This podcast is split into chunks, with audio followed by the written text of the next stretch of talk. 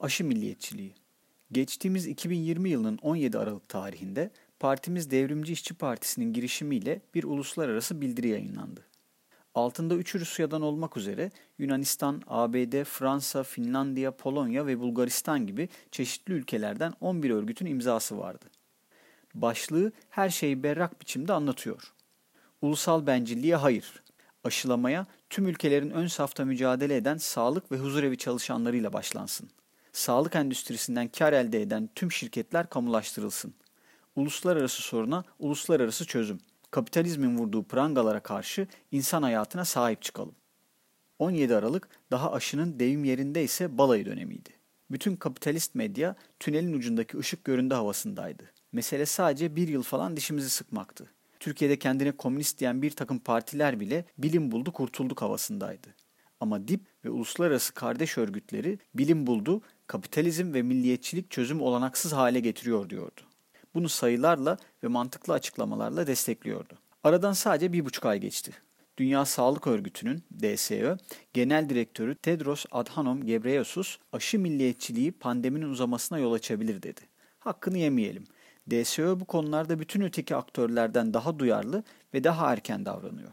Ama okurumuza iyi düşünmesini rica edelim. Aralarında dipin de olduğu bir takım Marksist örgütler erkenden uyarıyorlar. Buna karşılık dünya kapitalizminin zenginleri, emperyalist ülkeler ve onların eteğine tutunmuş bizim gibi orta halli kapitalist ülkeler birbirlerinin gözüne uyuyorlar. İlaç şirketleri de gelsin paracıklar havası çalıyor. Bugün bir buçuk ay sonra dünyada salgın konusunda en büyük otorite olarak kabul edilen DSÖ de pandemi uzayacak diyor. Kim doğru yolu gösteriyormuş? Hangi ideoloji, hangi siyaset? Türkiye'de herkes haklı olarak soruyor. Hani 50 milyon doz dediniz neden gelmiyor? Hükümetin politikasının aşı öncesi dönemde olduğu gibi aşı konusunda da döküldüğüne kuşku yok. Ama insanlar bu gerçekle karşılaştıklarında esas sorumlunun kapitalist sistemin kendisi olduğunu fark edemiyor. Altını çizerek söyleyelim. Avrupa Birliği AB şu anda aynen Türkiye'nin durumunda. Aşının sahibi ilaç şirketleri AB komisyonu ile imzaladıkları sözleşmelerde vaat ettikleri 10 milyonlarca dozu veremeyeceklerini, Şubat ayı teslimatını ancak Nisan ayında teslim edebileceklerini açıkladılar. AB öfke içinde. Örnek olsun, dünyanın en zengin kentlerinden biri olan Paris'te aşı çalışmaları durdu. Almanya'da aşı merkezleri kuruldu, aşı yok. İspanya virüsten kırılıyor, Madrid'de aşı yapılamıyor. Birkaç ülke, ABD, İngiltere ve Kanada dışında dünyanın hemen hiçbir yerinde gereken aşı miktarı bulunamıyor. İngiltere'de bile iki doz arasındaki süreyi uzatmanın doğru olup olmadığı tartışılıyor. Şimdi aynen bahar aylarında ülkeler birbirlerinin maske ya da solunum cihazı siparişlerini havalimanlarından korsanca çaldıkları gibi aşı stoku savaşları başladı. İngiltere'nin AstraZeneca ilaç şirketi aşı üretim merkezlerinden birini AB üyesi Belçika'da kurmuş. Şimdi AB Belçika'da üretilen aşının İngiltere'ye gitmesini nasıl engellerim diye yol arıyor. Yani başka milletler ölsün, üste çıkan sağ kalsın.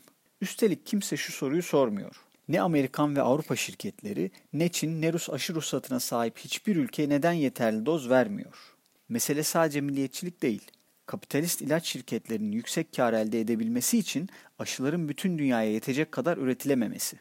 O şirketler imalatı artırabildiği kadar artırıyor ama başka ülkelerin üretimine fikri mülkiyet hakları, bildiğimiz patentin yeni ve şık adı engel oluyor. Yani Pfizer, BioNTech, Moderna, AstraZeneca, Sinovac kasalarını doldursun, halk ölsün.